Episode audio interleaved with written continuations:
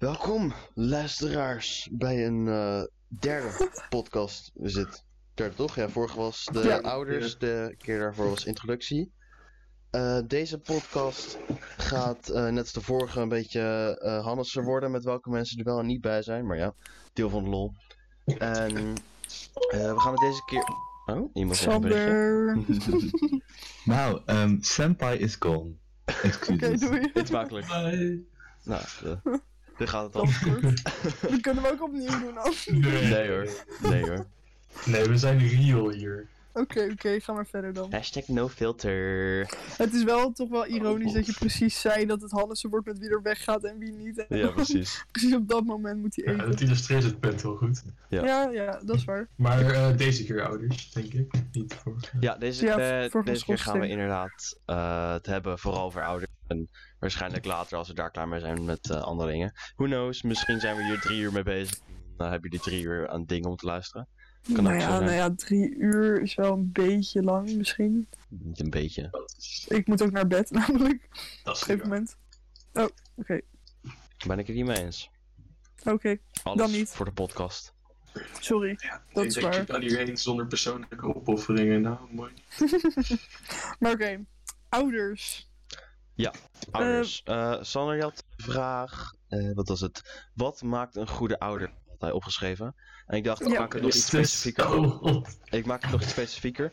Wat zijn eigenschappen van een ouder waarvan jij denkt dat ze nodig zijn om een kind goed op te voeden? Eh taxichauffeur spelen, sowieso. In welke situatie? Eh. Wat is voor- zeg maar voor elk kind? Eh, Gewoon om in general wat best wel een Ja, goede algemene regel is voor ouders om te ja, handhaven. Oeh, dat is best wel tough. Nou, je hebt natuurlijk de basics. Gewoon niet slaan of zo. Ik denk dat dat wel heel belangrijk is in een goede opvoeding, zeg maar. Dat, Hoe, hoe definieer je dat als eigenschap? nou, ja, nou ja, nee, niet per Niet se slaan. eigenschap, maar meer wat, wat belangrijk is in de opvoeding. Mhm. En verder, ja, wel lastig. Maar ook kan ehm, slaan of andere fysieke handhaving in die zin toch wel. Het, kan- het kan schade aanrichten als het in overvloed wordt gebruikt. Maar een Ja. corrigerende tik kan toch over het algemeen wel ehm, Ja, oké, maar dat zou ik betekenisvol ook, zijn in het eh, gedragsregelen, zeg maar. ja, maar dat zou ik denk ik ook niet per se tot echt slaan. Zeg maar, ik Als nee. ik zou zeggen niet slaan, dan is dat wel echt herhaaldelijk eh, iemand meer dan een corrigerende tik geven. Ja. Ja, Ik denk dat iedereen inderdaad wel eens een corrigerende tik heeft gekregen, maar dat is in principe geen probleem. Nee, en het zou ook niet vereist moeten zijn, denk ik. Nee. Kijk, het kunnen doen, sure. Ja. nee, dat denk ik ook niet. Nee. Alleen Nee, het is niet iets wat belangrijk is. inderdaad. Ja, inderdaad. Ja, en ik denk zelfs dan, ja. Er zijn Waarschijnlijk andere meer bij manieren om het te doen dan Ja. een corrigerende tik. Ja, Zoals bijvoorbeeld eh, een au- autoriteit hebben, lijkt me belangrijk. Maar ja, je autoriteit op goede manier gebruiken vooral. Ja, inderdaad. Want schreeuwen bijvoorbeeld is best autoritair, maar ik zou niet dat het rekenen onder goed opvoeden van een kind.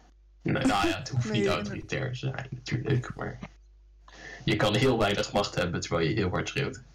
Ja, oké, inderdaad. maar het zou wel een, een vorm kunnen zijn van proberen te laten zien of proberen je kind te laten weten dat je autoriteit hebt. Aha, aha. Maar dat werkt inderdaad niet altijd op de goede Dus manier. Nee. Autoriteit in combinatie met verantwoordelijkheid.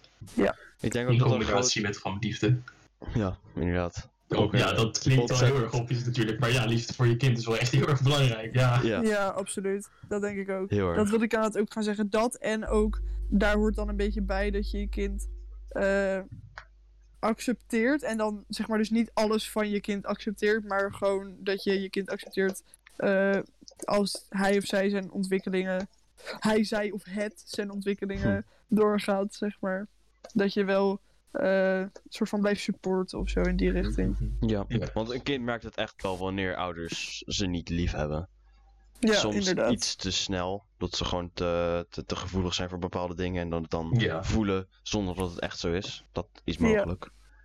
Ja, dat is waar. Maar ik denk dat inderdaad, het is wel heel belangrijk gewoon voor een kind. En ook zeg maar zeker voor bijvoorbeeld een puber om eh, te weten, of in ieder geval te voelen dat eh, de ouders wel echt van je houden, zeg maar. En Ja. ook, ook wel redelijk onvoorwaardelijk.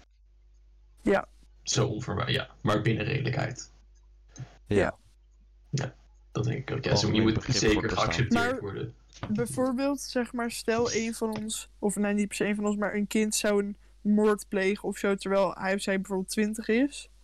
Denk je dan dat je dan nog het gevoel moet hebben dat je ouders van je houden of zo? Want dat zou in principe onvoorwaardelijk zijn, maar ik weet niet of dat dan binnen de redelijkheid valt. Dat is een goede vraag. Nee, Want als, ik- het, als het doodslag is, niet. Als het moord is, wel. Dan denk ik dat je als ouder of als kind niet mag verwachten dat je ouders nog. Nee, dat denk ik ook niet. Maar ik Nou ja. kan me toch wel voorstellen als ik een moord zou plegen. Dat... Kijk, mijn moeder zou er kapot van zijn. Omdat ze zoiets heeft van: oké, eh, ik, ik wil niet van mijn kind houden als hij of zij. Of van als ik dan zoiets zou doen, zeg maar. Maar ik denk wel dat ze niet zo snel zou zeggen: van oké, Ja. ga je echt niet bezoeken in de gevangenis bijvoorbeeld. Mhm. Nee, Wat is trouwens het verschil tussen moordslag en gewoon moord? Doodslag Moord en en doodslag. moord is. Oh, sorry. Doodslag. Ja, doodslag is in principe per ongeluk. En niet op Nou, voorbedachte hoeft, raden. ja, het, zeg maar, doodslag is inderdaad niet op voorbedachte raden. En dat kan eh, vaak komen uit gewoon één vlaag van boosheid bijvoorbeeld. Ja. Dat zou ook nog doodslag tellen. Moord, ja, moord, die, moord is altijd met voorbedachte raden. En met Oh, intentie. Ja. Dus zeg maar, stel je slaat iemand, dan is je intentie niet per se om hem dood te maken. Maar stel je steekt iemand, dan is je intentie definitely wel om hem dood te maken. Ja. Ja. Ehm, Ja, en dus ik dat denk dat als je echt weet dat je kind iemand dood heeft willen maken. Dan is inderdaad wat Joyce zegt. Ik denk dat het als ouder heel moeilijk is om dat los te laten. Dat je kind los te laten. En dat je altijd al, rationeel of niet, nog een beetje van je kind zal houden. En in ieder geval, ja, op zoeken in de gevangenis, Ja. dat soort dingen. Maar Maar je ouders ik denk niet dat je het zou moeten verwachten. Nee, dat denk ik ook niet. Maar je ouders zouden natuurlijk wel vanuit principe kunnen zeggen van... Oké, weet je, ik hoef je niet meer te zien. Maar ja, Ja. je zou altijd in hun hoofd blijven zitten, denk ik. Met ja, een dat, dat sowieso. toch wel een, een liefdegevoel is. En je zou ook nog wel kunnen zeggen dat ieder persoon wel. Ja, oké. Ik zou dan zeggen dat ieder persoon wel recht heeft op een soort steunpilaar. Waarop hij kan Mm, vertrouwen om weer terug in de samenleving te gaan wanneer hij Ja, een dat grote fout waar. heeft begaan. En dan zijn ouders wel de personen die zo'n rol- zouden kunnen vervullen. Ja, dat is waar. Ja, Ja, dat het is natuurlijk inderdaad... Ja, ga je maar. Nou ja, gevangenis is natuurlijk ook, het idee van de gevangenis is natuurlijk om mensen terug de wereld in te krijgen. Dus ja, Ja. je veronderstelt zelfs bij moord nog steeds dat die persoon ooit wel weer goed komt. Ja, gevangenis zelf gaat natuurlijk vooral om vergelding. En dat inderdaad, dat je dan als je terugkomt in de samenleving, dat je een soort van ervan geleerd hebt. En reformatie. dat je, ja, inderdaad, op die Ja, manier. Het is trouwens niet per se dat je ervan geleerd hebt, maar volgens mij gewoon om je eh, een soort slechte incentive te geven dat je het niet weer doet. Ja, oké, Ja, maar meer zeg maar ervan standaard. geleerd als in van, oké, als ik dit nog een keer doe, moet ik nog een keer 20 jaar in de gevangenis. En dat was een en al kut, dus Een kat met een maatschappijtje. ik, ik, ik doe het niet meer. Een deterrent, ja. Maar ik denk inderdaad wel dat eh, op het moment dat een kind in, of, of een kind, een iemand gewoon met ouders, dus een kind zou dan ook eh, een 20-jarige of 35-jarige, hoe weet ik veel. Maar die, als die in de gevangenis belandt, dan ehm, denk ik wel dat als hij of zij eruit komt, inderdaad, dat je ouders wel een van de weinige personen zijn waar je echt op zou moeten kunnen rekenen of zo. Ja, ja. Kijk, het gebeurt lang niet altijd en dat, dat blame ik ook zeker de ouders niet. Maar Nee. zeg maar als een van jullie nu een moord zou hebben gepleegd en jullie komen uit de gevangenis over 20 jaar, ja, dan sta ik er niet. Dus Nee, dan zouden nee, je ouders er moeten staan, zeg maar. Nee. Nou, ik denk dat het heel erg van het kind zelf afhangt of die moet vertrouwen dat, die, dat zijn ouders nog van hem houden. Ja, ook Of als de hij, band. als, hij, als hij geen spijt heeft of whatever, ja, tuurlijk moet je het dan niet verwachten. Dan, Nee, dat is dat waar. is geen redelijkheid. Maar als je echt spijt hebt, dan En het ligt nou natuurlijk ook aan de band die je met je ouders hebt. Ja. eens. Want stel je, je spreekt je ouders überhaupt al bijna niet. Of stel je bent 65 en je ouders zijn 90 of zo. Ja, weet je. Dan hoef je het ook niet per se te verwachten. Mhm. Maar op dat Ehm. punt zijn je ouders echt, hebben ze niet meer een echte ouderlijke rol, zou ik Nee, zeggen. dat is waar. Nee. Nee, maar het blijven natuurlijk wel je ouders. En je ouders zeker hebben altijd toch wel een, een- echt wel een gevoel van... Oké, jij bent ons kind. Ja, Ondanks dat is een- dat je volwassen bent. Maar dat merk ik ook nog wel zeg maar, heel erg bij mijn oma bijvoorbeeld. Die ziet me, zeker maar, zeg maar dan mijn vader, wel echt nog als eh, Zo'n. zijn zoon. Of haar zoon dan, zeg maar. Dus ja, dat is wel mooi om te zien gewoon. Maar die zou, denk Mhm. ik wel, als mijn vader nu... Oké, voor moord, ik, ik vraag me af of ze nog leeft als mijn vader over 30 jaar de gevangenis uit zou komen. Maar stel hij zou nu 30 jaar in de gevangenis heeft, hebben gezeten, denk ik wel dat mijn oma voor mijn vader klaar zou staan. Mhm. ja, ja, ja. Dus op zich is dat mooi. En ik denk dat mijn vader dat, zeg maar, of nou ja, als ik dan over die situatie praat, denk ik wel dat dat belangrijk is voor iemand. Dat Ja. je gewoon het gevoel hebt dat je toch inderdaad onvoorwaardelijke liefde hebt of zo. Ja, dat is wel die ouder-kindrelatie. Zo'n speciaal Ja, soort vertrouwen wat er gewoon is. Je hoeft niet per se vertrouwen te scheppen. Het, het, het is Ja, er gewoon, precies. want het is je Ja. kind. Ja. Het probleem Eh, is dan weer wel dat het, of- ver- het vertrouwen ook eh, door het Mhm. kind zelf weg kan worden gehaald. Ja, Ja, nee, dat absoluut. Ja, tot op zekere hoogte. Maar speaking of eh, oudere mensen, eh, ik denk dat een belangrijke waarde ook wel eh, geduld is. In Mhm. ouders. Dat denk ik ook. denk dat dat heel... Op wat voor manier allemaal? Zeker. Nou ja, in de jeugd is het natuurlijk belangrijk om geduld te hebben bij baby's die constant janken en dat soort dingen. Want die hebben gewoon veel zorg nodig. Mhm. Of een kind van drie die nog steeds niet kan fietsen na vijf keer, weet je wel. Ja, Mhm. Ja, mensen dingen leren. Kinderen zijn eigenwijs, pubers zijn eigenwijs, adolescenten zijn eigenwijs, peuters zijn eigenwijs. Ja, dan ga je no doubt heel veel geduld moeten hebben om Ja, met liefde te kunnen opvoeden. en ik denk dat daarbij ook gewoon eh, soort van dat de trots of zo die je ouders naar een kind hebben. Als het kind dat voelt, ik denk dat dat ook best wel belangrijk is. Dat je Ja. gewoon het gevoel hebt dat je ouders trots op je zijn. Of je nou een 6 hebt gehaald of een 8 hebt gehaald. Of Mhm, een, mhm. weet ik veel, in, de, in het eerste team zit van je sport of in je derde team. Weet ik veel of je in de selectie speelt of niet. Ik Ja, heb toch. bij hockey wel altijd echt het gevoel gehad dat mijn ouders trots waren Ja, hoe ik speelde, ondanks dat ik helemaal niet in het hoogste team zat. Dat is toch een vorm van onvoorwaardelijke liefde weer. Ja, inderdaad. Ja, ik denk dat dat, alles wel een soort van goed samenvat, dat dat wel echt gewoon belangrijk is. ja, dat is al het fundament in ieder geval. Ja. Ja, Ook is respect een heel belangrijk iets. Vooral in communicatie, dat je gewoon respect hebt tegenover je kind. Ongeacht hoe klein of hoe jong en naïef die is. Dat je gewoon respect hebt voor het individu dat het is. Ja, ja, ja. ja, en dat kan je denk ik vooral juist ook bijvoorbeeld in ruzies heel goed merken. Dat je ouders naar je luisteren als je een argument geeft. Of weet ik. Luisteren is een heel goede. Ja. Ja, luisteren überhaupt inderdaad. Gewoon met alles. Ja. En eh, wat Luc zegt met respect, dat kan je ook terugzien in ja, de respect als die persoon als individu, maar dus ook gematigdheid in. ehm, je wil je kind natuurlijk veel bijbrengen en je wil ze vast ook dingen leren die jij ook geleerd hebt, maar het kind blijft een eigen persoon en moet niet jou worden. Dus je kan wel heel trots zijn op dat het kind goede prestaties haalt en dat dat jouw kind is, maar dan moet je ze natuurlijk nog wel de ruimte geven om een eigen Ja. ontwikkeling te hebben. Ja, dat is wel Ja, en daarbij denk ik ook eh, maatwerk tussen broers en zusjes. Dus dat je niet Mhm. je de, het ene kind inderdaad precies hetzelfde opvoedt of behandelt als het andere kind. Want het zijn gewoon verschillende mensen. En misschien dat het bij sommige mensen wel heel goed zou kunnen werken, zeg maar. Maar dat, die lijken dan in dat opzicht wat meer op elkaar of zo. Ja. Maar Ja. kinderen zijn wel echt gewoon verschillende wezens. En wat voor de een werkt, werkt voor de ander gewoon totaal niet. En waar de een bijvoorbeeld zich eh, moeilijk over voelt of waar die mee struggelt, dat is voor de ander natuurlijk heel anders. En dat is Ja. dan ook gewoon iets waar je ondervindelijk achter moet komen. Als ouder Ja, weet je niet bij ja, geboorte al hoe je kind op iets gaat reageren. Dus dan moet je gewoon Nee, trial and error. eh, Maar ik Ja, denk dat dat misschien met een stukje geduld of zo kan je daar als ouder achter komen. En dan Ja. eh, En ook- is het ja, wel belangrijk is- om daar goed op in te spelen. Zeg ook een bereikbaarheid om te veranderen is belangrijk. Ja, ja. Open-mindedness, zeker, ja. inderdaad. Eh, inschattingsvermogen, inderdaad, wat je net zei. Maar open-mindedness, maar ook ehm, ja, toch wel streng kunnen zijn. Want Ja. je kan zo open-minded zijn als je wil, maar je moet grenzen hebben. Dus je moet een sterk moreel kompas hebben, maar daarin openstaan voor wat je kinderen anders willen. Maar Ja. het, Ja. het moet duidelijk zijn dat er grenzen zijn. Ja, eens. En ik denk ook een soort van, eh, dat is meer, zeg maar, dat is niet per se heel belangrijk voor een goede opvoeding of zo. Maar als je als ouder een soort van goed kan onderbouwen, denk ik dat in heel veel, dat, dat in heel veel discussies bijvoorbeeld best wel belangrijk is. Ja, Dat dat is die kind- communicatie, ja. Ja, dat je kind gewoon weet waar hij of zij aan toe is. Mhm. En eh, daarbij ook wel eh, dat het kind eigen mening kan geven. Maar ja, weet je, als, als er gewoon een grens wordt getrokken daardoor de ouders, dan moet dat wel gewoon goed uitgelegd kunnen worden. Ze hoeft het ook helemaal niet eens met je te zijn als ze maar kunnen begrijpen waarom je het hebt gedaan. Want daar kunnen ze toch wel van leren. Ongeacht Ja. of ze het er eens mee zijn.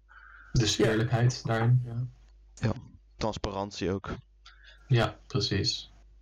Nee, dat is wel belangrijk. God, ik had er nog geen bedacht, maar nu ben ik... Ja, ik ook. oh ja, ik, ik, nog eentje die niet per se tegenover de kinderen belangrijk is, maar gewoon voor het leven van de ouder zelf. Is ehm, dat ze moeten kunnen leren van hun kinderen. Ja, ja. Dat is toch wel een van de gouden ervaringen wanneer je je kind krijgt. Is dat ze gewoon op zo'n andere manier de wereld bekijken en zo veel andere nieuwe ervaringen kunnen opdoen dan ouders. En dat is toch wel Ja, prachtig om te zien. Ja, Ah, ja, ik wil nog zeggen medeleven, maar dat valt heel erg onder liefde. Maar het ja toch dat is wel waar, maar medeleven is wel... Ja, ik denk dat I het- guess. Ja, ik denk dat het ook gewoon heel belangrijk is inderdaad om je, je kind te laten weten dat hij of zij soort van altijd bij je terecht kan. En dat hoort dan weer bij die onvoorwaardelijke liefde. Maar dat je wel echt, ondanks dat het, ik denk dat dat bij heel veel ouders gewoon zo is. Dat, je kind gewoon, dat het kind gewoon bij de ouders terecht kan. Lang niet bij allen natuurlijk, maar wel bij veel. Maar ik denk dat je je kind ook wel echt het gevoel moet geven. Want ik denk dat toch Ja, wel ja, ja, ja, ja. kinderen sneller het gevoel kunnen krijgen dat ze eh, ja, niet bij diegene terecht kunnen of zo. En ik denk dat dat wel belangrijk is voor ouders om aan hun kind te laten zien. Ja, ik denk inderdaad dat heel veel kinderen daar denken van, hmm, ouders, hmm, praat liever met mijn vrienden of zo. Dat soort Ja, dingen. precies. En dat is op zich niet, eh, natuurlijk is het helemaal Nee. niet erg om met je vrienden te praten. Maar ik als je maar in ieder geval weet dat je ook bij je ouders terecht zou kunnen. Ja, ik maar denk het dat is het, natuurlijk wel een stukje puberteit dat je je een beetje van je ouders afzet. bijvoorbeeld. ja, dat, maar ik denk dat het voor de ouders op zich wel fijn is als je kind wat durft te communiceren. Zeker Ja, dat is waar. dingen. Ja, klopt. Heb ik Maar ik denk dat... Ja, We hebben het over eh, belangrijke eigenschappen van een ouder om een goede opvoeding te kunnen geven. Ja. ik denk dat ik wat had. Dus ik denk dat we nu beter in kunnen gaan op een... eh, Ja, als we een nieuwe vraag starten Ja. bijvoorbeeld. ik vond eh, wat voor ouders... Nou, Luc Luding. Ja, Joyce die had het net over dat ehm, het belangrijk is dat kinderen moeten kunnen communiceren met ouders en dat ze toch onwaardelijk terug kunnen vallen op ouders. Is het dan echt een essentieel deel van de rol van een ouder? En is het dan ook het belangrijkste deel of zijn er dan nog andere dingen die ehm, een ouder voor zijn kind moet regelen, even ongeacht eigenschappen van een belangrijke ouder? Dus, je zei, dus zeg maar dat je opgesteund kan worden. Bijvoorbeeld. Ja, ik denk dat dat nee, misschien niet het allerbelangrijkst. Maar, want ik, ik, ja, ik weet nu even niet wat er dan belangrijk zou zijn. Maar ik denk dat er altijd wel iets te noemen is. Maar ik vind dat denk ik wel een heel belangrijk onderdeel van ouders. Dat je gewoon echt het gevoel krijgt dat je ergens over kan praten. En dat als je echt ergens mee zit. Kijk, dan ligt het eh, op dat moment bij het kind of diegene het wil delen met de ouders. Maar in ieder geval dat het kind weet dat het kan, zeg maar. Ja. Ik denk dat dat wel heel belangrijk is. Die steun inderdaad. Ik denk dat de recognition is een van de heel erg belangrijke die een ouder sowieso wel moet geven. Ik denk dat dat heel intuïtief is voor een kind om naar zijn ouders te kijken voor erkenning. Ja. Ja. Denk ik ook. En ik denk dat het kind ook heel erg kan breken als je dat niet krijgt. Ja, Zeker. absoluut. Ja. Zeker als zeg maar eh, het kind ook eh, bijvoorbeeld wat minder vrienden of wat minder vrienden waar hij of zij bij terecht kan heeft. En als je dan een soort van ook nog het gevoel krijgt dat je thuis niet echt. eh, of dat je ouders niet trots op je zijn, of dat je niet terecht kan bij ze of zoiets. Dan Mhm. kan dat wel echt inderdaad ervoor zorgen dat een kind echt breekt. Ja. Ook in vooral in de eerste jaren van het leven is het belangrijk dat ouders eh, aandacht geven aan het kind. Maakt niet uit wat voor Mhm. aandacht. Gewoon je gezicht laten zien is al genoeg om het kind enige mate van erkenning te laten voelen. En dat het dan weer later, als je eh, eh, wil communiceren of relaties wil leggen of zo, is dat toch wel iets wat dan een kind gebroken kan hebben. Ja, of van die kleine dingetjes als. eh, stel, een kind is wat kleiner, zeg maar, en die valt van zijn fiets af. Dat, dat je gewoon of een knuffel geeft of even vraagt of het gaat. Gewoon van die kleine dingetjes dat je echt het gevoel krijgt dat je. Ja, je ouders van je houden eigenlijk vooral. Ik denk dat dat wel echt belangrijk is. Ruben? Ja, ja, helemaal eens. Maar ik ben aan het luisteren, want ik ben het wel Nee, ja, ik dacht wel gemist. eh. Ik heb nog wel een vraag. Ik, ik- is het nodig voor goede ouders, echt goede ouders, om een mate van ervaring en kennis te hebben? Ik denk dat het wel belangrijk is. Ik denk ook dat we best wel het ouderschap onderschatten. Hm. Maar volgens mij zijn voor veel ouders deze niet waar ze eigenlijk aan beginnen voordat ze een kind krijgen, omdat het toch iets heel anders is. Dus ik denk dat die ouders ook leren terwijl ze ouders zijn. Ja. Ja, maar Dus- ervaring waarin dan bijvoorbeeld? Gewoon ik, algemeen het leven ervaring hebben. Als in, zou je kunnen zeggen dat jong kinderen krijgen gewoon sowieso een slecht idee is. Nou, dat weet ik niet zo goed. Want ik denk juist als, als je zeg maar, tenminste van wat ik denk, denk ik dat als je wat jonger bent, dat je. eh, Dat ik jong, jong definiëren als onder de 25. Ja, ja. Oké, ik denk dat als je gewoon jong bent, dat je alles eh, wat er gebeurt wat minder makkelijk nog kan relativeren misschien. En ik denk juist dat als je dan jong kinderen krijgt, bijvoorbeeld dan op je inderdaad 22 of zo, dat je een wat eh, dichtere band met je kind zou kunnen krijgen. Ja. Dat je qua leeftijd gewoon wat dichter bij elkaar staat. Maar daarbij zeg ik echt niet dat het beter is of zo. Want ik denk dat eh sommige, of nou ja, de meeste misschien, eh, wat gewoon oudere ouders als het ware, die Mhm. kunnen dat ook gewoon goed. Maar omdat ouders vaak toch iets makkelijker kunnen relativeren. En kinderen in bijvoorbeeld de puberteit dat toch wat moeilijker kunnen. ja. Ehm, ik weet niet, denk ik dat misschien kinderen wel eens bang kunnen zijn dat, dat hun ouders vinden. En dan hoeven ze dat niet eens te zeggen, maar dat ze vinden Ja, dat ja. diegene zich aanstelt. Of dat het allemaal wel meevalt. En waarschijnlijk valt het ook allemaal mee, maar op dat moment eh, valt het natuurlijk niet echt mee voor het Ja. kind zelf.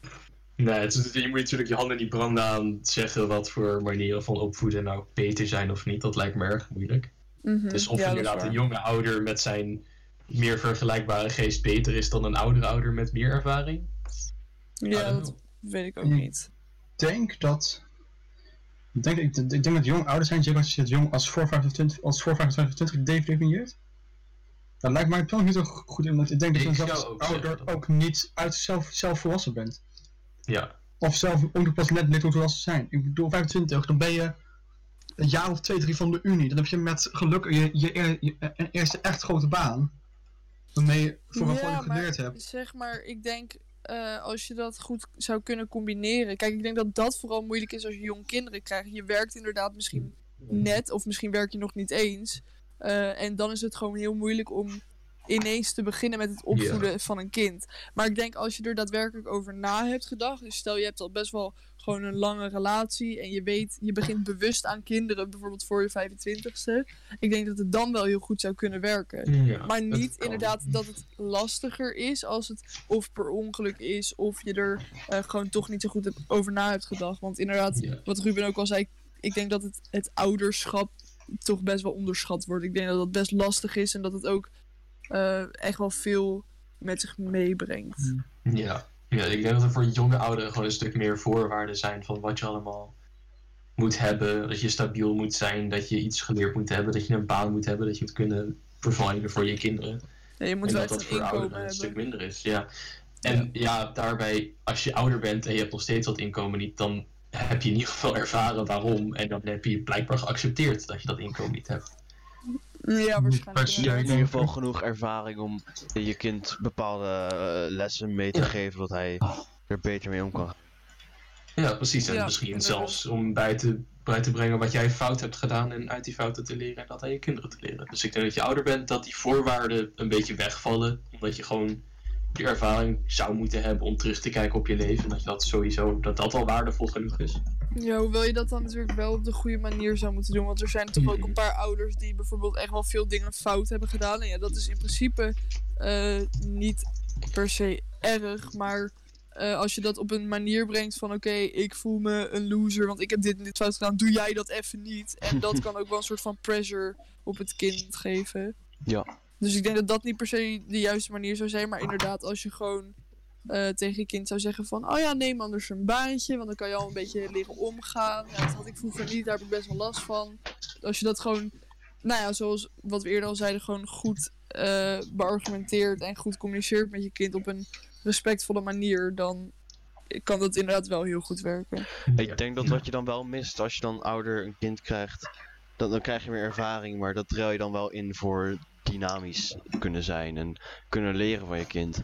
Want het is toch wel dat je een relatie moet opbouwen met je kind en sommige Ja. dingen werken wel bij ze, dingen werken niet bij ze. En dat hoe ouder je wordt, hoe minder makkelijk je je daar kan, op kan aanpassen. Hmm. Ik denk dat Ja, het ik denk dat je tegenover je... Oh, sorry hoor. ook zeer persoonlijk is. Want ik zou juist zeggen ehm, dat als je ouder wordt, je ook meer mensen leert kennen, ook meer jonge mensen leert kennen, waardoor je juist beter, vanuit- misschien uit ervaring beter weet hoe je ermee om kan gaan. Nou, ik weet echt niet of het, Dat of het per se zo is dat je als je ouder bent, zeg maar, je hebt wel wat meer verschillende mensen leren kennen, maar ik weet niet per se, want voor sommige mensen, eh, die hebben altijd een soort van vaste vriendengroep gehad waar het altijd gewoon wel goed ging en dan heb je daar niet per se heel veel levenservaring uitgehaald. Mhm. Kan wel, maar soms niet.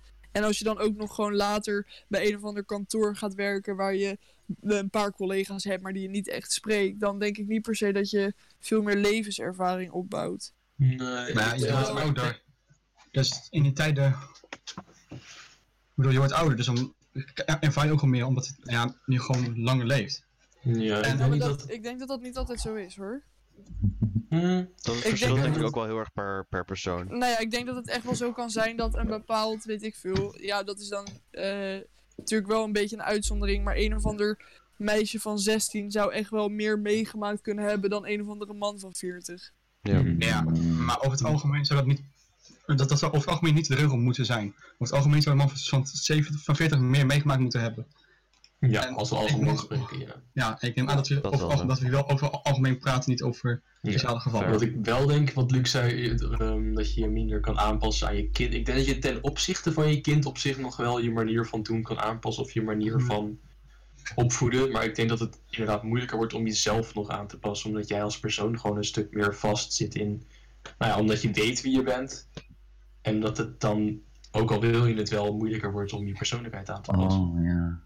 Ja, dat denk ik ook. Ja, persoonlijk is er dan in mijn situatie zo van.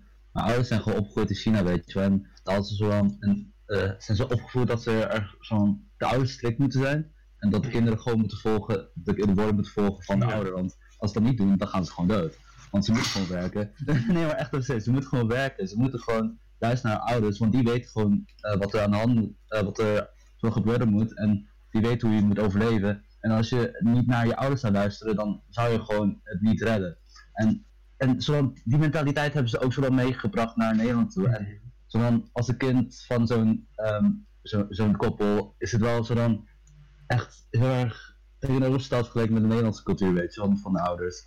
Want die zijn juist vooral eh, gericht om zoals de vriend te worden van eh, je zoon of, ja, Mhm. of eh, dochter. En bij, ja, in de Chinese cultuur is het echt van, je, je, hebt een, je hebt een ouder en dat is hoge positie. Je be- bent zo dan, je hebt een hoge status en je bent zo dan niet op gelijke voet. Ja, ik En- denk dat dat vooral ja. vroeger in Nederland ook wel zo was. Maar dat is inderdaad nu wel toch wel veranderd. Want je merkt best wel dat inderdaad, eh, nou ja, hier dan zeg maar, of in ieder geval bij wat ik heb gezien, dat vaders lekker een potje gaan voetballen met hun kind en zo. Ja, en dan en dat- is ja, het toch een soort van andere band inderdaad. Ja, en bij Maar dat Chinezen is is dat niet zo. volgens mij-. In Nederland ook niet per se een ouder- en kindband, maar gewoon al- algemeen over vo- eh, volwassenen en kindband. Ik denk dat wij hier in het Westen gewoon überhaupt tussen ja, kinderen en volwassenen dus los zijn dan in Ja, China. dat is waar. hebben een hele waar. Kleine machtsafstand. Ik bedoel ook dat- Ja, klopt. ik- Dat- ik- Ja, ga maar. nee, ik, bedoel, ik heb bijvoorbeeld nog met een oude docent ooit gem- gemountainbiked met de, met de klas. Ja, Dat merk je, China dat wil gebeuren. ik inderdaad ook zeggen. Bij docenten merk je dat heel erg. Want ik, heb, ik zeg bijvoorbeeld tegen bijna geen docenten u. En dat, Nee. eh, ik denk dat dat in niet-westerse landen, zeg maar zelfs in westerse landen is dat al eh, niet helemaal... Zeldzaam, eh, ja. ja, precies. En Ja, en ja. Het is zo dan, in, in niet-westerse landen is dat wel echt, zeg maar, echt not done. ja. En zo dan, eh, uit eigen ervaringen is het zo van, het conflicteert gewoon een beetje, want ik verwacht van ze dat ze van een vriend zo dan eh, willen zijn, of tenminste op gelijke voet staan, en dat hebben zij totaal niet. En daardoor hebben we heel vaak ruzie zo, en het is allemaal van dat soort gedoe en zo, en Ja, het is echt heel gek. Ik, ik snap gewoon niet, Ja, ik snap het dan- wel.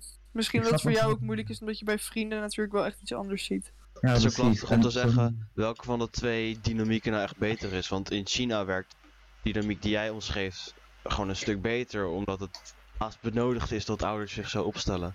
En in westerse landen is het, ik denk in die zin wat, wat vrijer in hoe ouders zich tegenover Ja, hun kind ja, opstellen. Ja, ja. Ja, het is inderdaad niet per se het een of het ander wat beter is, maar het is gewoon hier gewoonlijk dat je het op onze manier doet. En als ze dan, eh, zoals jouw ouders dan iets anders eh, doen, dan voelt dat gewoon een soort van raar. Terwijl het andersom, als mijn ouders eh, doen hoe ze doen in China bijvoorbeeld, zou dat ook raar zijn. Dat zou misschien wel zwak zijn of Ja, precies. Of, of, zijn. of geen goede ouder of iets in die richting. Ja, dat zou ik zeker zeggen, ja. Ja, ik zou dan, dat punt wat Gustav net maakte, dat, ze dan, dat je, dat je zo dan niet als persoon snel kan veranderen en dat daardoor je opvoeding ook niet zo snel kan veranderen, dat, dat zie ik dus ook terugkomen bij mijn ouders. En ja, dat vond ik best interessant. En, denk je dat als jouw ouders jong waren geweest toen ze jou kregen in Nederland, dat ze daar beter op hadden kunnen of sneller op hadden kunnen aanpassen? ik Hadden ze wel. aangepast, denk je? Ik ja, nee, ik- nou, nu ik was nadenken, het probleem was gewoon waarschijnlijk dat ze ten eerste gewoon niet de taal goed spraken, ten Hmm. tweede dus daardoor niet zo kon in Daar helpt Jood zijn ook bij trouwens, maar ja. Ja. Het Ja, dat ze ook zo dan niet in een zo dan omgeving woonden waarbij ze zo dan veel contact hadden met zo dan hun buren of zo, of met andere Nederlandse gezinnen, waardoor ze nog geen voorbeeld hadden om waar ze zich konden aanpassen, weet je wel. En ja, ze dachten alleen maar aan werken toen. Al, Ja. Zelfs al hadden ze kinderen, ze, dat- het, het belangrijkste was werken en opvoeden was echt nummer 10 op hun lijst van prioriteit. En ja, Maar heb je dat wel eens, bijvoorbeeld, ja, ik, ik weet niet zo goed hoe dat werkt, maar ik denk dat juist communicatie hierin best wel belangrijk is. Als je gewoon, ja. Ja, weet je, dat- ik weet natuurlijk niet hoe jouw ouders zijn precies, maar als je bijvoorbeeld tegen ze zou zeggen van, yo, eh, dit is niet een rant of zo, maar ik merk dat mijn vrienden gewoon op een hele andere manier met hun ouders omgaan dan wij dat hier thuis doen. En Ja. ik, ik mis iets in die opvoeding of ik mis iets eh, in onze relatie of zo. Ik denk dat je dat best wel kan zeggen. Ja, het, het irritant is gewoon dat zo'n gesprek bijna niet gebeurt of zo, niet plaats kan vinden, omdat het gewoon heel awkward zou zijn of zo. Het, het- ja, het is gewoon. Nou ja, het is natuurlijk wel heel moeilijk voor ouders om iets aan te passen waarvan zij eigenlijk ervan uitgaan dat dat een goede manier is. Omdat zij dat bijvoorbeeld bij hun ouders ook hebben meegekregen. Ik denk dat ik, eh, als ik later kinderen zou krijgen, dan denk ik dat ik wel redelijk op dezelfde manier eh, mijn kinderen op zou voeden. Kijk, ik zou natuurlijk wel het een en ander anders doen, maar dat is ook eh, waar je kan leren. En wat ik bijvoorbeeld bij mijn ouders niet chill vind, dat doe ik dan niet bij mijn kinderen. Maar andersom, als mijn kinderen iets bij mij niet chill vinden, doen ze dat later ook niet bij hun kinderen natuurlijk. Nee, precies. Maar eh, ja, het is denk ik best wel lastig inderdaad voor een ouder om dat aan te passen. ja, Zeker nou ja, als ze dat al is zo lang doen. Ja, maar ik denk niet dat het per se erg is voor een ouder om zijn karakter niet aan te passen, mits ze wel zelf een open mind houden in hoe ze zich gedragen tegenover hun kinderen en wat ze van hun kinderen verwachten. Ja. Ja, maar ik vraag me af, want ik weet niet of heel veel ouders er echt een echt open mind in zouden hebben. Want zij hebben natuurlijk Mm, gewoon een idee niet. van wat goed is. En als jij als ja, kind, zeg maar, je hoort heel vaak van ja, maar ik ben de volwassene hier. Dus eh, ja, weet je, ik zou het wel weten, toch? En ja, dat Mhm. is gewoon niet Ja. altijd zo. Ja, maar dat het, kunnen het, ze niet zou goed accepteren. zijn. Ja, Dat absoluut. Ja, dat is Ja. waar. Maar vraag me dus af of het in praktijk zo gaat. Het is sowieso Hmm. lastig als ouder om eh, überhaupt te confronteren dat je misschien al, weet ik veel, tien jaar iets fout doet het. in de opvoeding. Ja, Ik kan, ik kan nog een eigenschap. De, de, de- het vermogen om confronterend te zijn. Confronterend te zijn of te... Hoe bedoel je dat? Of te confronteren. Zeg maar dat je je kinderen ook moet kunnen zeggen als je iets niet goed vindt. Of eh, Ja. als je iets niet wil. maar ik denk daarbij ook Dat het, het heel moeilijk is. Het Dat vermogen om confrontatie aan hoor. te gaan bij jezelf. Nee, maar zeg maar, ik denk dat... Ja, precies. Ja, van, is, oh, is het mijn falen? Wat zou ik moeten doen in mijn Ja, want opvoeding? het kan inderdaad gewoon zo zijn dat, dat ouders iets fout doen in de opvoeding. En als je dat aangeeft, ja, tuurlijk komt dat als een soort klap. Want het is natuurlijk best kut, inderdaad, wat Luc zei, om te horen dat je al tien jaar eigenlijk iets eh, op een bepaalde manier doet. Terwijl dat eigenlijk voor je kind, voor zijn gevoel, niet Ja, maar dan was het dus is. Beter geweest als die ouders in staat waren geweest dat kind daar meteen mee te confronteren. Ja. Ik weet niet wat je gewoon vanaf het begin af aan te hebben dat kinderen al de confrontatie durven aan te gaan. Ja, ja. precies. Dus ik denk dat dat voordat je een ouder wordt, een, een vereist is. Dat je in Mhm. staat bent je kind te vertellen van, hm, je mag dan mijn kind zijn, maar dit is niet chill. Ja. ja, ik ben het met je eens. Ja, Maar het is ook überhaupt heel lastig om, en ja, niet hele jonge kinderen, maar zeg maar jaar 8 à 10 of zo, Mhm. om daarin eh, echt op het hart te drukken dat confrontatie aangaan normaal is. Omdat zij leren in die periode specifiek dat samenleving een mening heeft, dat mensen meningen hebben en dat veranderen moeilijk is. En dan denken ze ook dat dat voor hun ouders gaat gelden en dan wordt het veranderen en het confrontatie aangaan toch alleen maar lastiger. Ja, ja, dat. Maar ik denk dat je als ouder het ook best wel goed over kan brengen.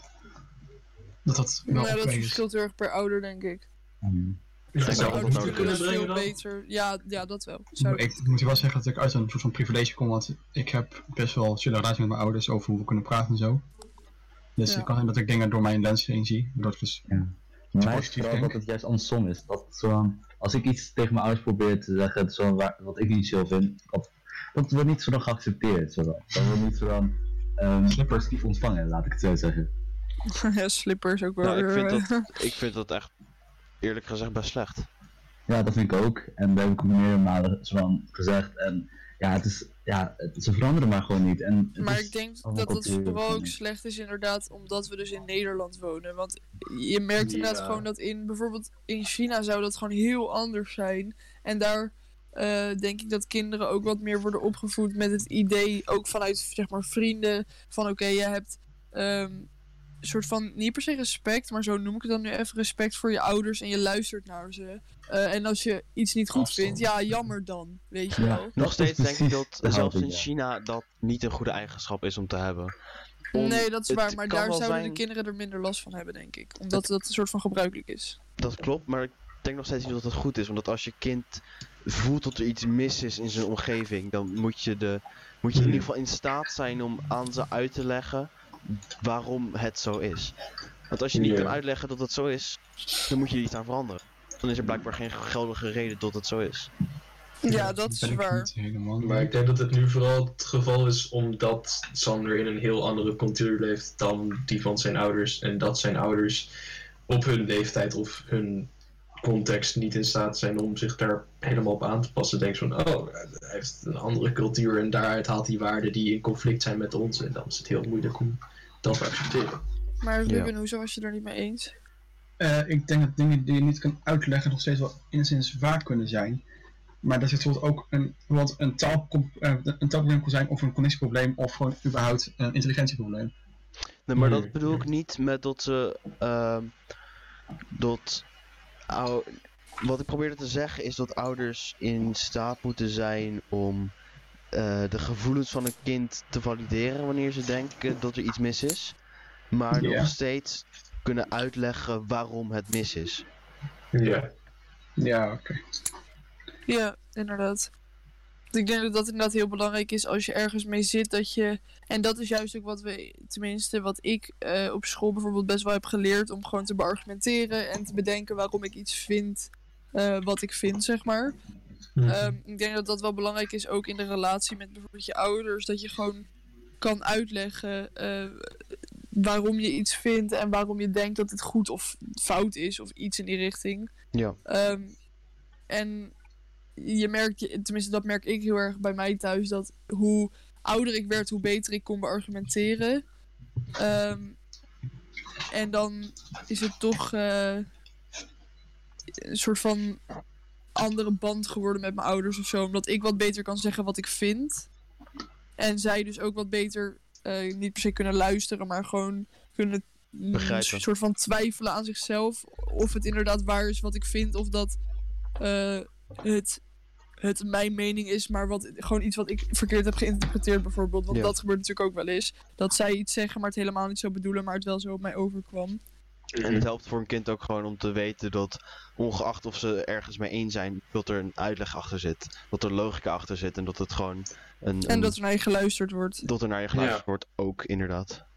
Ja, dat Eh, Is er nog een, een, een groot. Want we hebben het nu heel erg gehad over ouder-kindrelatie. Zijn er nog belangrijke eigenschappen voor ouders om onderling te hebben? Oeh. Ik- Ja, ik zou gewoon zeggen een, een gezonde relatie waarbij veel gepraat wordt en dat het belangrijkste is.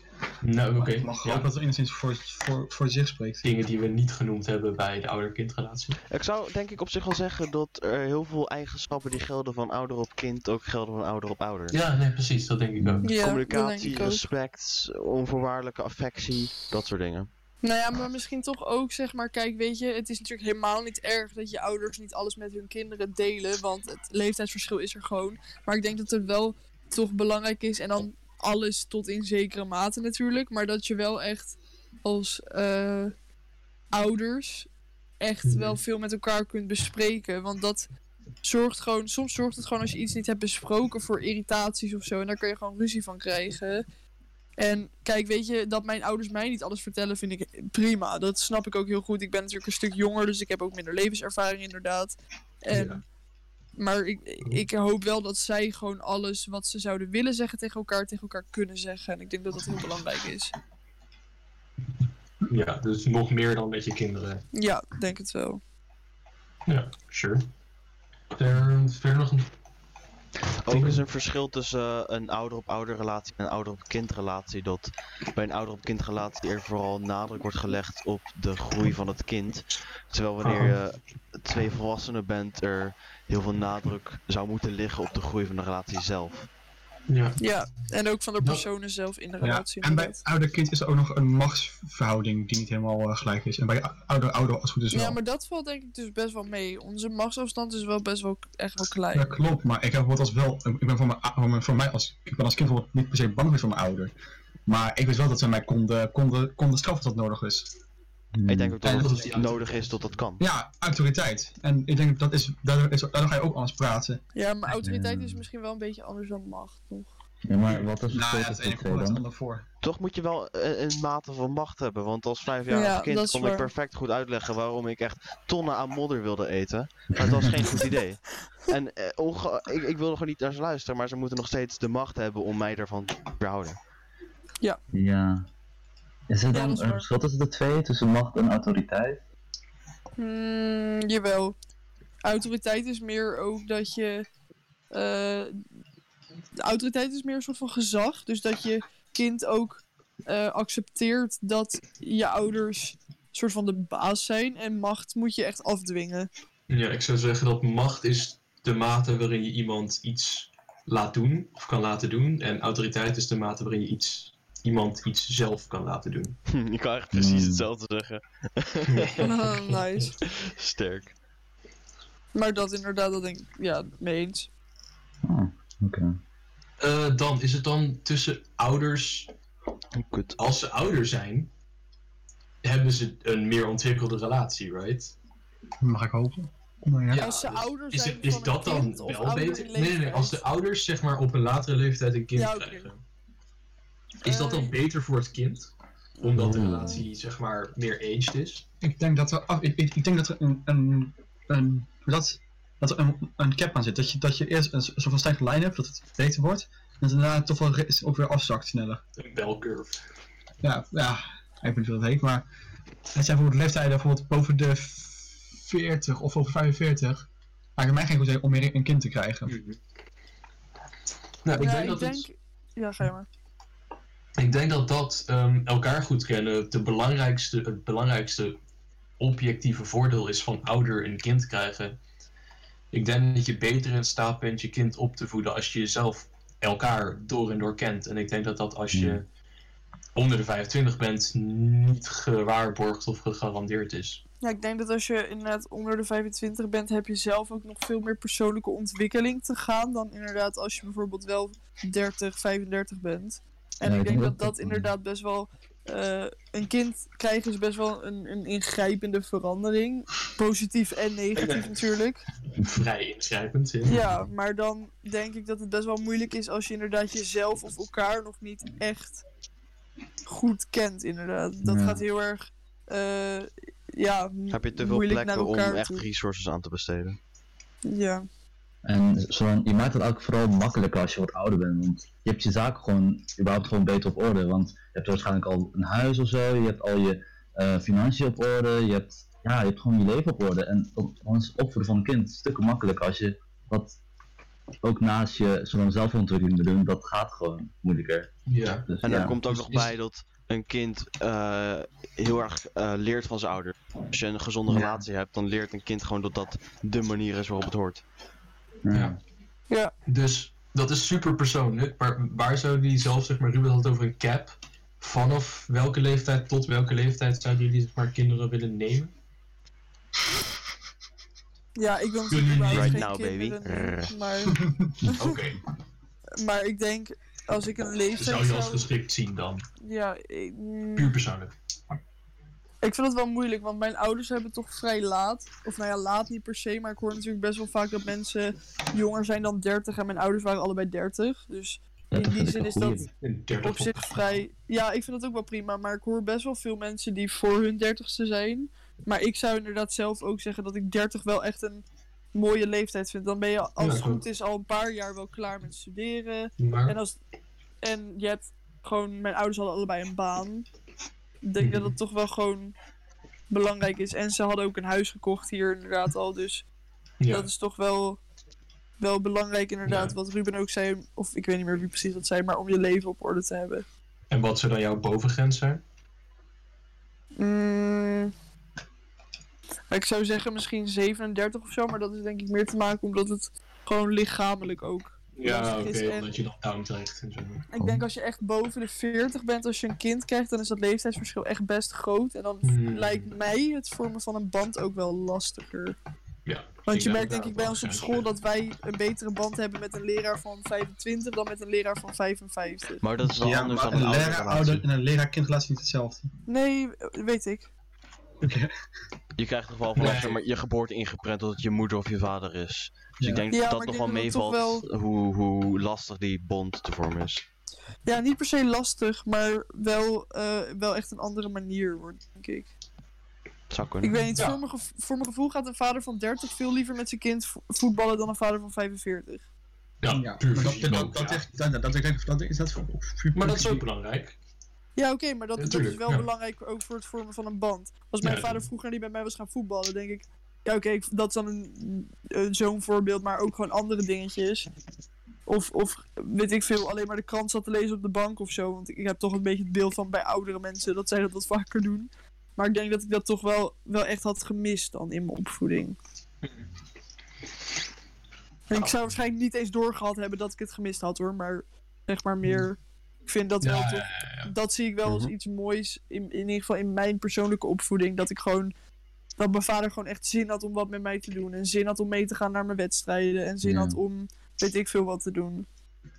Ja. En jij Gustav? Wanneer eh, vind jij een gepaste leeftijd voor jezelf? Ik denk inderdaad vanaf 29, 30 tot like, 35 of zo.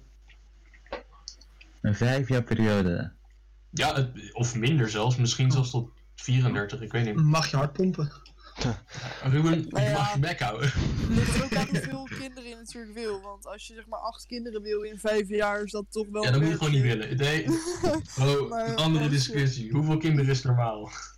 Eh, Nou, normaal weet ik niet. Maar ik zou zelf echt niet meer kinderen willen dan drie, denk ik.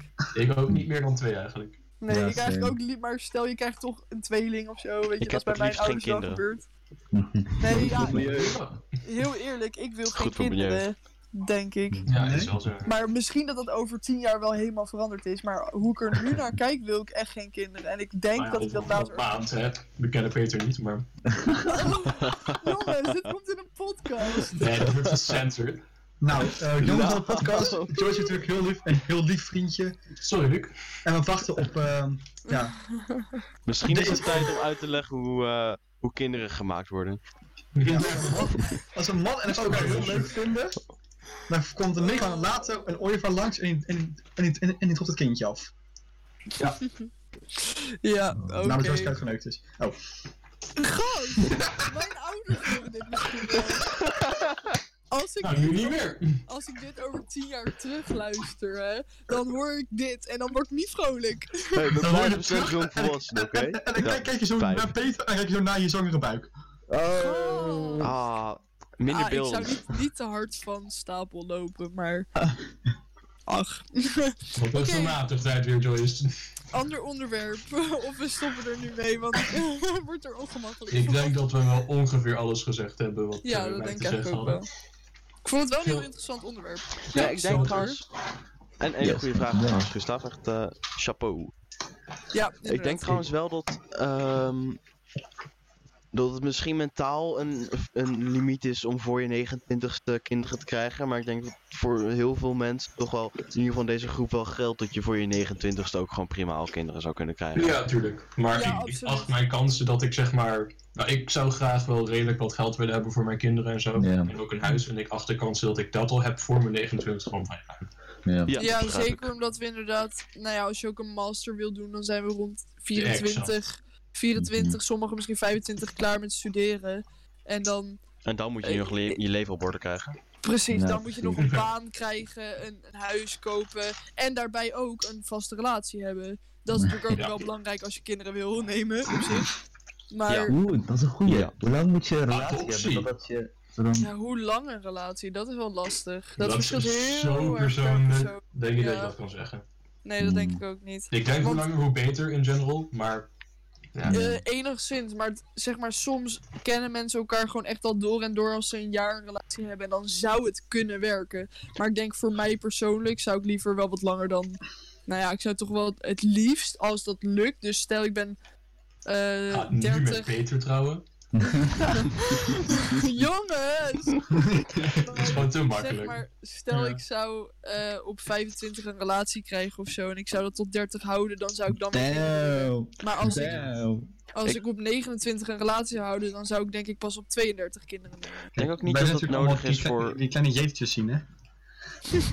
Ik denk niet dat dat nodig is voor twee mensen om elkaar echt door en door te kennen eh, om kinderen te krijgen. Voor, Nou, voor mij lijkt het belangrijker om gewoon een, een goede groundwork te hebben waar je relatie op gebaseerd is. Gewoon Ja, communicatie en... Maar ik denk dat het wel belangrijk liefde, is dat je, dat je een beetje weet hoe iemand in elkaar zit. Want stel iemand heeft agressie aanvallen en dat weet je nog niet, dan zou ik daar geen kinderen mee willen nemen. Nee, precies, dat bedoel ik ook. Nee, maar, maar even Ja, op een andere noot, hè. Is het immoreel als je pistachenootjes hebt om eerst alle nootjes te kraken en dan alle nootjes op te eten? Of... Die gaan er Ja. ook in die opgaan. Waarom? Dat is, Dat is ik toch vind juist dat- handig? Nee, ik vind dat heel Nee. raar. Ik, Wat ik vind het een moeilijke kwestie, want het is op zich wel, zeg maar, je concentreert de spanning van het genot van het eten van de nootjes wel. Ja. Ik vind Anders het wel, duurt het eh, langer. Ja, en dat is eigenlijk Een lichaam kan maar zoveel genot in één keer hebben, hè? Ja, en pistachenootjes zijn al best wel like, een, een, neural overload van... Oh. Sorry? Ik die niet, ik ben, ik. Ruben, is echt heel erg. Ruben, Ruben, verlaat je leven. ben kerstnoten lekker. Ik ben echt best veel, veel, veel noten lekker. Oké, Ja, maar ik denk dat we het beter met dit als eind eh, kunnen afsluiten. Want ik denk dat mensen niet heel veel zin hebben om een hele, hele podcast. Tenminste, als jullie het willen, prima. Maar Als ik jullie- heb geen zin om een podcast op te nemen over fucking pistachenoten. We kunnen ook wel Oh, dat was meer als, eh, als break eh Ja. bedoeld. I Maar know, I Christophe, ik haat je wel echt. Nu ook pistachenootjes. Guus, ik Ja. van je. Vandaag haal ik is het nou? Dit is belangrijk. Kom op. Ja. Onvoorwaardelijke liefde vanuit je ouders. Ja. Naar pistache. Dat is het En allerbelangrijkste. heel veel pistachenootjes. Dat is eh, ook een beetje belangrijk. Ah. En oké. op dat noot... Oh, bruh. Eh. Maar om het af te sluiten, bedankt voor het luisteren. Iedereen, al onze, weet ik veel hoeveel luisteraars. trouwe volgers. Waarschijnlijk, twee waarschijnlijk zes, aangezien wij met z'n zessen zijn. En Elisa. Hey, mag, mag ik even zeggen dat ik naar niet Elisa. Hm? Sowieso niet horen. Oh, nu kan ik dan testen of ze het echt heeft geluisterd. Als ze hierover begint. Wat zie ik. Nou, Het is natuurlijk wel de vraag of ze nog, nog luistert naar de opmerking van het. Lisa, de code is Het is, 9292. eh, is, eh, eh, mijn- het is jouw Peter. We weten of je luistert. Giro Oh, ik heb Elisa al 9292. updates gegeven over mijn Dan Peter. Nee, maar over Dat mijn grapjes van net. Was daar niet weet gek Oh. van. Ja, waarschijnlijk wel, maar oké. Nee. Anyway, bedankt voor het luisteren. Ehm dat was het. Senpai Doei. out.